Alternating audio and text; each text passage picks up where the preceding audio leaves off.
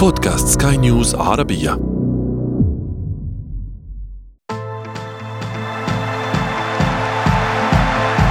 أثير الكرة.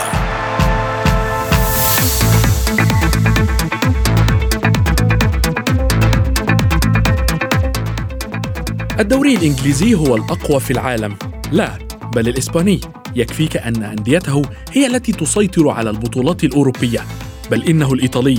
ففيه ديربي الغضب والسيدة العجوز ولديهم قوة في اللعب لا مثيل لها في العالم. هذا هو الجدال الذي لا ينتهي.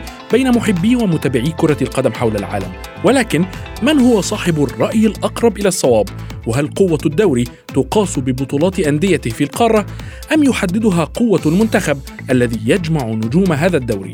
وأسئلة كثيرة أخرى نجيب عنها اليوم في أثير الكرة معي أنا محمد عبد السلام ولكن دعونا أولا نبدأ من العناوين الدوري الأمتع في العالم. لقب جديد يهديه المشجعون لمن يحبون. الدوري المحلي والمنتخب من يؤثر على من؟ في فقرة ما لا تعرفونه عن كرة القدم نكشف لكم سر القوس المرسوم على منطقة الجزاء.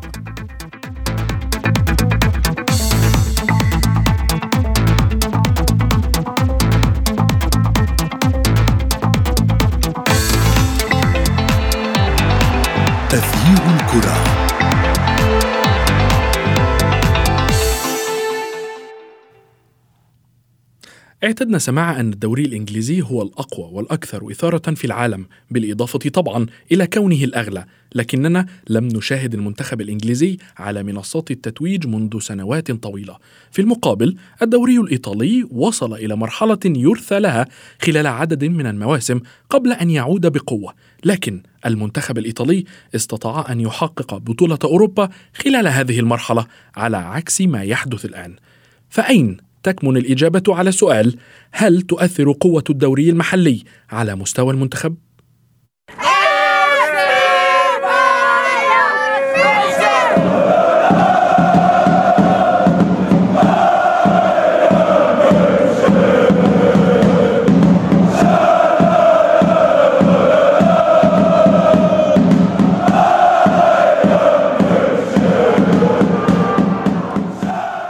للحديث أكثر بشأن هذه المعضلة التي لا تنتهي دعوني أرحب بالصحفي الرياضي ضياء الدين محمد مرحبا مرحبا بك ضياء معنا اليوم ضياء بداية كصحفي رياضي كيف تصنف كيف تصنف الدوريات في البداية؟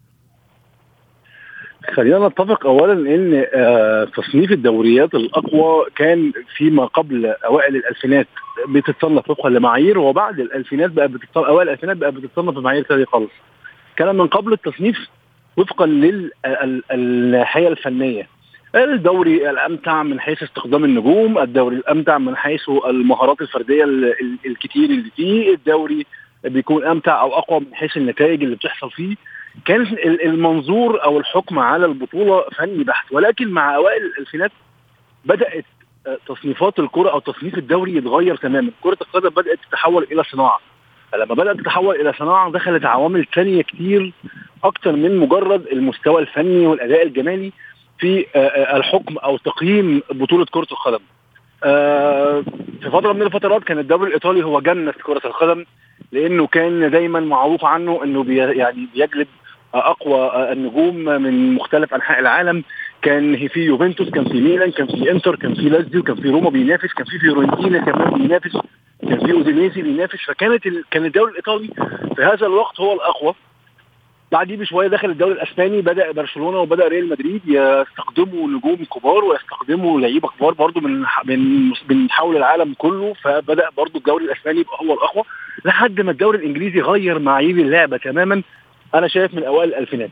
بدأت الكرة تتحول إلى صناعة فبدأ الحكم على البطولة مش فقط فني لا حقوق بس آه رعاة آه المداخيل اللي بيحققها بتحققها البطولة آه نسبة آه مشاهدته آه نسبة إشغال الملاعب ونسبة وعدد التذاكر اللي بتتباع. فأصبحت المعايير مختلفة. عشان كده هتلاقي إن أنت في فترة من الفترات في كرة القدم كانت في دوريات هي الأقوى والأفضل وفي الفترة الحالية في دوريات تانية خالص هي الأقوى وهي الأفضل.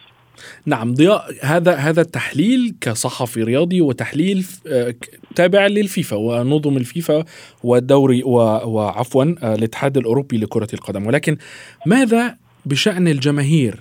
ما هي معايير الجماهير لتحديد من هو الدوري الأقوى والأفضل؟ معايير الجماهير يعني خلينا نتكلم على إن الجماهير عاطفية بطبيعتها.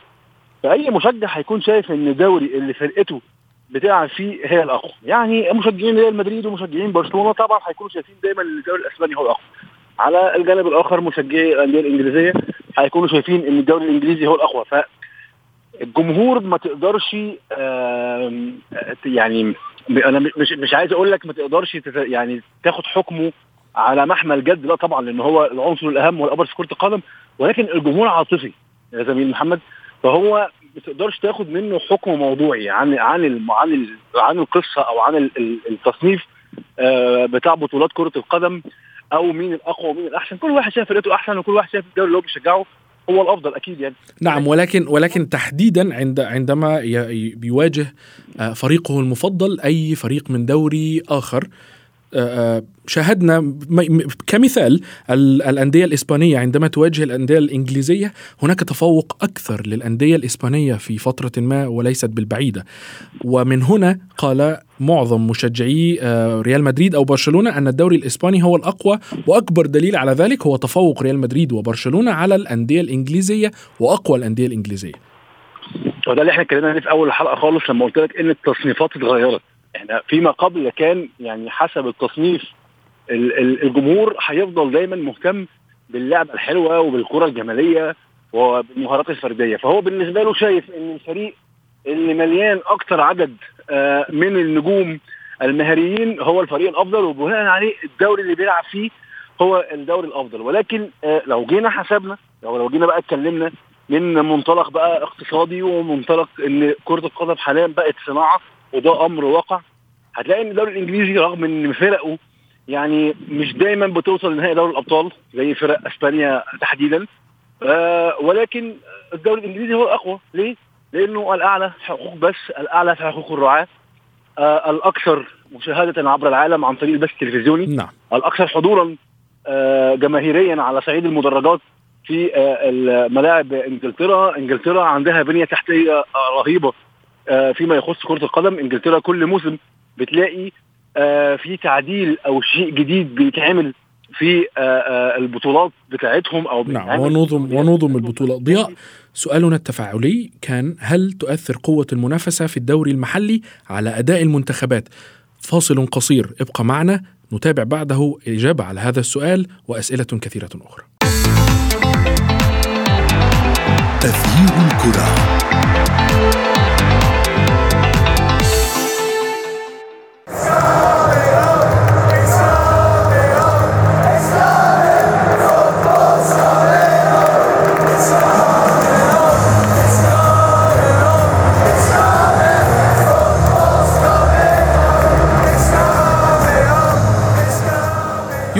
تكون قوة المنتخب الوطني من قوة الدوري بالفعل.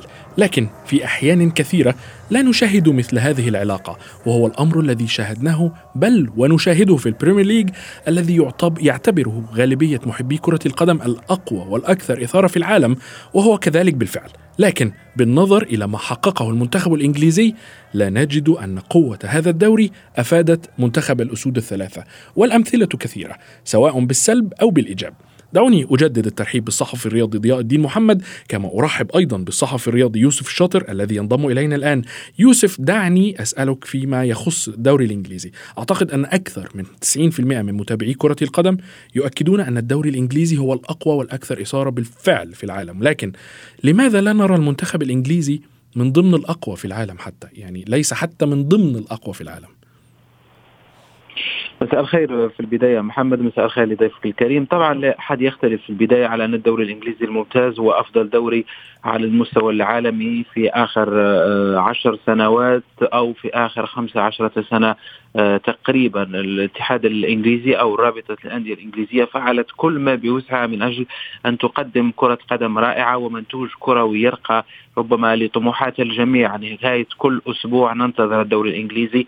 لكن على مستوى المنتخب كرة القدم الإنجليزية لم تستفد كثيرا من هذا الأمر. هناك أسباب آه، عديدة. أولا التطبيع الكلي لكرة القدم الإنجليزية مع اللاعبين المحترفين والمدارس المختلفة خاصة في وقت من الأوقات المدرسة الفرنسية والاعتماد على أسماء كثيرة من فرنسا. أندية تحولت تقريبا إلى أندية فرنسية جلب لاعبين وجلب مدربين من المدرسة الفرنسية. هذا قوى المنتخب الفرنسي أكثر مما قوى المنتخب الإنجليزي وفرنسا استفادت من ذلك أواخر التسعينيات وتوجت بالدوري آه، باليورو وبكأس العالم. ثم آه، أيضا مع توالي السنوات رؤوس الأموال الكبيرة التي دخلت إلى إنجلترا في الأندية الكبيرة. قامت باستثمارات هائلة. وعندما يكون لديك المال فأنت لا تنتظر كثيرا اللاعب الذي يتكون في مدرسة النادي والذي يأخذ مراحل الناشئة تقريبا كلها ويصل إلى الفريق الأول بل تذهب نحو شراء لاعب أكثر تميزا سواء من إسبانيا من فرنسا من إيطاليا من ألمانيا وتأتي به لأنك تريد النتائج.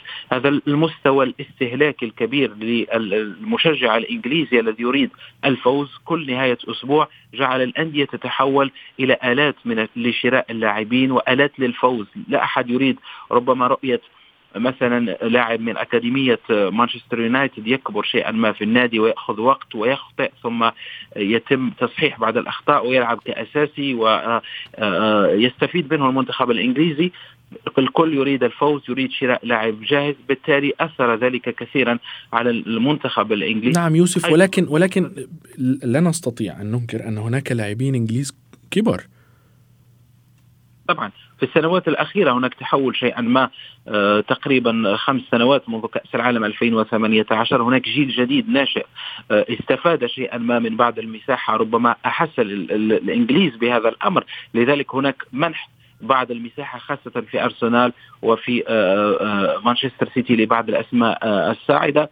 لكن إذا عدنا شيئا ما للتسعينيات محمد ليس هنالك مجال كبير للاعبين الإنجليز رغم وجود بعض العناصر.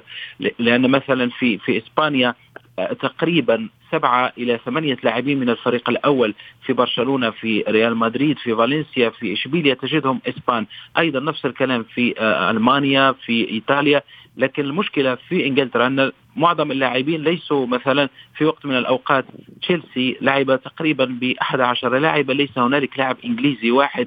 بالتالي هذا الأمر آه، آه، يجعل المواهب الإنجليزية تتعثر شيئا ما في الوصول إلى مرحلة النضج والمشاركة في مع المنتخب الإنجليزي رغم هناك نقطة أخرى مهمة جدا الاعتماد على مدربين غير إنجليز. الآن نعيش مرحلة مع جاريت ساوثجيت لكن في وقت من الأوقات كان سفين جوران إريكسون هو المدرب الأول للمنتخب السويدي.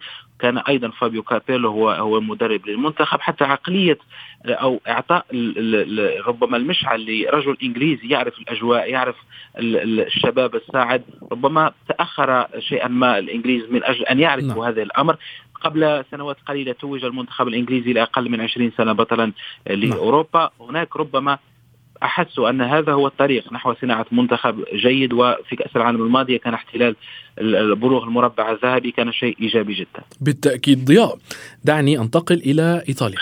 دائما ما نقول بأن قوة المنتخب من قوة دوريه وشاهدنا هذا الموسم تحديدا أن المنتخب أن الدوري الإيطالي كان مشتعلا ولم ينتهي إلا مع صافرة النهاية لآخر مباراة لآخر جولة في الدوري ولكن المنتخب الإيطالي هذا الموسم أو هذا العام العام الذي يتأهل فيه إلى كأس العالم خالف كل هذه القاعدة لماذا؟ خلينا نتفق اولا زي ما أنت قلت في التقرير يا زميلي محمد إن. إن هذا المعيار غير دقيق أو إنه مش دايما بيصيب يعني ما نقول إن هو مش دقيق ولكنه مش دايما بيكون هو الصح. مدربين المنتخبات لما بيتعاملوا مع المنتخب أو لما بيدرب المنتخب هو ما بياخدش نفس الوقت وما بيشتغلش نفس الشغل بنفس الحجم اللي بيشتغله مدرب النادي. فبناء عليه هتلاقي دايما المنتخب الذي يتفوق هو المنتخب اللي بيلعب بنفس أسلوب لعب آه، الأندية اللي بياخد بيضم منها لاعبين في الدوري. يعني على سبيل المثال إسبانيا لما حكمت العالم فترة من الزمان كان بسبب إن هم تشكيلتهم كانت بتعتمد بنسبة 80% على لعيبة برشلونة فكأن المدرب بيعتمد على نفس أسلوب لعب برشلونة. يعني هو خد أسلوب لعب برشلونة طبقه مع المنتخب الأسباني. فبناء عليه قدر إن هو يحقق الإنجازات. حتى هديك كمان مثل عربي منتخب مصر لما قعد ثلاث سنين بيكسب كأس أمم أفريقيا كانت آه، كان الأهلي والزمالك تحديدا بيلعبوا بخطة 3 5 2 وكانت الخطة دي هي الشائعة في الدوري المصري. الكابتن حسن شحاتة كان بيضم المنتخب أغلبه من لعيبة الأهلي وأغلبه لعيبة الزمالك. فكان بيلعب هو كمان بخطة 3 5 2 فاللعيبة بالفعل عندها حفظ لواجباتها في وحفظ للخطة وعارفين بيلعبوا إزاي فبناء عليه مع شوية تعليمات بسيطة طبعا من الكابتن حسن شحاتة ومع شوية تدريبات على جوانب معينة قدروا إن هم يسيطروا. المنتخب الإيطالي الفترة ديت يعني خلينا نتفق زي ما يمكن زميلي يوسف قال إن المدربين في الدوريات مش دايما بيكونوا من نفس جنسية البلد. فبناء عليه بتكون في مدارس مختلفة. كل فرقة بقت بتلعب باسلوب لعب مختلف. كل فرقة بقت بتلعب بشكل مختلف تماما وأسلوب لعب مختلف تماما وواجبات وأداء مختلف تماما عن بعض. فبقى أصبح الوقت الضيق الذي يناله مدرب المنتخب مع اللعيبة غير كافي إنه يحفظهم طريقة لعب جديدة أو إنه يقدر إن هو يعني زي ما بنقول كده إيه يسيستم كل اللعيبة اللي معاه اللي هي بتلعب وفق أساليب مختلفة وبتلعب وفق أنظمة مختلفة على أسلوبه أو نظامه. الدوري الإيطالي السنة دي المدربين الإيطاليين فيه مش كتير فكل فأصبح عندك فيه أساليب لعب كتير مختلفة، اللعيبة الإيطاليين نفسهم يعني كل نادي من أندية القمة خلينا نتكلم على أندية القمة. أندية القمة هناك آه نعم هناك آه آه مدربين إيطاليين ليوفنتوس. لميلان وأيضا آه لإنتر ميلان. أكيد طبعا هم الايطاليين ولكن ولكن اللقطة إن انت كمان عندك مدربين عندك لعيبة كمان ال squad نفسه ما بقاش كله إيطالي. يعني قبل كده كان الدوري الإيطالي بتبقى الفرقة أغلبها لعيبة إيطاليين وبعض ال ال ال ال ال يعني تدعيمات من الجنسيات المختلفة. أنت دلوقتي عندك مثلا لو نفترض إن بطل الدوري بطل الدوري في كام لاعب إيطالي في تشكيلته ألا وهو AC Milan. في كام لاعب إيطالي في تشكيلته؟ ليس بالكثير بالفعل. تقريبا تقريبا كالابريا. نعم. واحيانا ما يكون رومانيولي. دفاعك الأساسي آه ثيو هرنانديز اللي هو يعتبر أحسن back شمال في العالم حاليا. توموري منتخب إنجلترا. في خط الوسط يمكن تونالي آه إيطالي. ولكن هتلاقي جنب منه كان فرانك كيسي أو أو لو بيلعب بيلعب بن ناصر. نفس القصة الخط الأمامي بالكامل. أنت ما عندكش حد فيه إيطالي خالص. فمع قيس برضه نفس القصة على إنتر قيس نفس القصة على يوفنتوس هتلاقي آه في طبعا لعيبة إيطاليين موجودين ولكن مش بنفس الكم أو بنفس العدد اللي يسمح للمنتخب انه يكون ليه نفس الصبغة أو يكون ليه نفس أسلوب الأداء. نعم اذا اذا هناك تفضل. آه بناء اختلاف هذا الاختلاف ما بيلحقش مدرب المنتخب إن هو يعالجه لأن بطبيعة الحال فترة تعامل مدرب المنتخب مع لعيبته بتكون ضيقة للغاية. نعم، اذا على على المدير الفني للمنتخب بالإضافة إلى اتحاد الكرة المحلي أن يطالب الأندية ب مساواة أو بتنفيذ خطة معينة أو ما إلى ذلك أترى ألا, ألا ترى ذلك يوسف؟ هناك هناك من هذا الأمر بطبيعة الحال محمد هناك شيء كبير من الصواب لأن كرة القدم تتأثر ليس ليس عمل اليوم ولكن هو لعمل سنوات. لأن إذا مثلا المنتخب في في خمس سنوات أو ست سنوات الأندية الأساسية التي يعتمد عليها البلد من أجل صناعة المنتخب تأثرت أو شهدت تغيير تغيير في ميثودولوجيتها ستؤثر على المنتخب الأول ويصبح الأمر صعب. مثلا الآن أمام روبرتو مانشيني من أجل أن يجد عناصر تجد الرجل يبحث في ساسولو يبحث في أندية صغيرة لا ترقى لاسم ميلان أو إنتر أو يوفنتوس أو روما أو لاتسيو من أجل إيجاد إيموبيلي تقريبا عشر سنوات وهو المهاجم الأساسي للمنتخب. وإيموبيلي يلعب في لاتسيو ليس يلعب حتى لا يلعب في الإنتر أو في ميلان أو في يوفنتوس. هذا أمر صعب بالنسبة لإيطاليا. بالمقارنة مثلا مع فترة نهاية التسعينيات عندما كان كل نادي يملك اسم كبير روما هناك مونتيلا ديل فيكيو هناك توتي في في يوفنتوس هناك ديل بيرو هناك أيضا في ميلان لاعب أو اثنين أيضا في في إنتر. بالتالي كان الأمر لا على ما أتذكر إنتر لم يكن هناك لاعب إيطالي في الإنتر في هذه الحقبة. اوقات كان فييري كان كان فييري كان فقط. هناك ماتيرازي.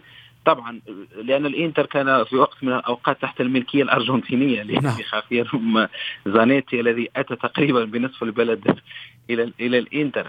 على العموم هو أمر مرتبط بهذا الأمر محمد لأن إيجاد منتخب قوي يجب أن تبني له من الأندية خاصة في إيطاليا الآن مرحلة صعبة وربما سيأخذ الأمر سنوات. لأن الأندية الآن لا تعطي المواهب وليس هنالك مواهب. حتى إن تابعنا المنتخبات السنية لإيطاليا تجد صعوبات كبيرة في آه، بطولات أمم أوروبا. نعم اذا فقوة قوة الدوري بالفعل هي التي ستؤثر على المنتخب ومن هنا تحديدا سوف أتحدث عن عدة أمثلة. الدو... هناك مثل الدوري الفرنسي ومنتخب فرنسا، الدوري البرازيلي ومنتخب البرازيل، هناك أيضا الدوري الجزائري عربيا ومنتخب الجزائر الدوري هذه الدوريات ليست بالقوة التي نرى ونشاهد بها منتخبها ولكنهم يعتمدون بالكامل على لاعبين محترفين. فكيف كيف يكون هذا التناغم وكيف يصل هذا التناغم بين اللاعبين إلى أن يصبح بطل عالم مثل المنتخب الفرنسي؟ لا هو أنا خلينا نتفق برضو على حاجة. خلينا نتفق على إن آه، آه، يعني الموضوع في بعض الأحيان بيكون فيه عامل نسبة توفيق كبيرة جدا. آه خلينا نتفق على إن مدرب مدير فني زي مدير فني المنتخب الفرنسي الحالي آه آه ديدي ديشامب هو الراجل آه يعني عنده لعيبة أكفاء في كل في أغلب دوريات العالم فقدر إن هو يجمعهم ويوصل بيهم لفورمولا معينة أو لصيغة معينة آه يقدر بيها يسيطر في على الكرة العالمية الفترة اللي فاتت. آه الموضوع طبعا ده نجاح وكفاءة منه ولكن برضه هو برضه في نسبة توفيق. يعني هو قدر يلعب وقدر يستغل آه العناصر اللي عنده قدر يبني خطته على آه لاعب زي مبابي في الهجوم لاعب زي نجولو كانتي في خط الوسط لاعب زي ثيو هرنانديز في الدفاع. فهو آه يعني يعني دي قد تكون مش هنقول إن هي حالة فردية أو مش هنقول إن هي حاجة استثنائية ولكن برضو التوفيق برضو كان نقدر نقول إن هو خدموا الفترة اللي فاتت لأن منتخب فرنسا لو بصيت على كل المراكز نعم. تقريبا هتلاقي أفضل لاعب في العالم في كل مركز. نعم. يعني هو بالفعل خمس ست مراكز في منتخب فرنسا الافضل و... في العالم هو اللي بيلعب فيهم. بالتأكيد. ضياء هنا هنا تحديدا اذا وصلنا إلى إجابة هذا السؤال. هو بالفعل الدوري يؤثر وبقوة على أداء المنتخب. شكرا جزيلا لكما كنتما معي الصحفيين الرياضيين ضياء الدين محمد وأيضا يوسف الشاطر.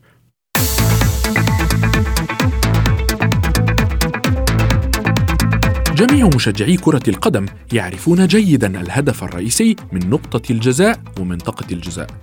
وهو أمر شبه بديهي لكن الغالبية لا يعرفون ما الهدف من القوس المرسوم في مواجهة المرمى على حدود منطقة الجزاء. واليوم فيما لا تعرفونه عن كرة القدم نكشف لكم الغرض وراء هذا القوس.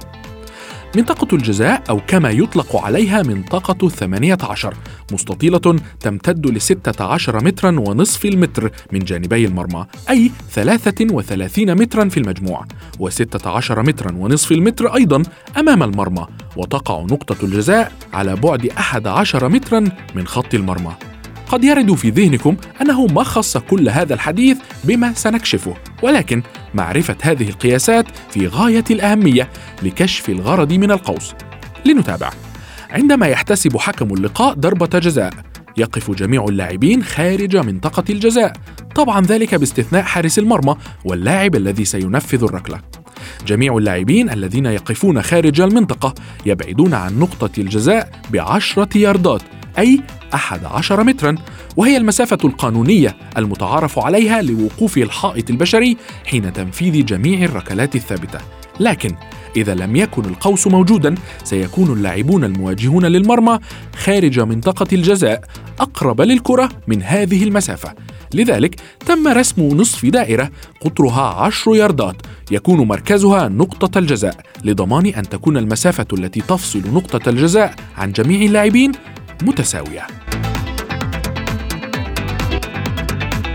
بهذا نكون قد وصلنا وإياكم إلى صافرة النهاية من حلقة اليوم. تابعونا في حلقات جديدة قادمة. كنت معكم أنا محمد عبد السلام. إلى اللقاء.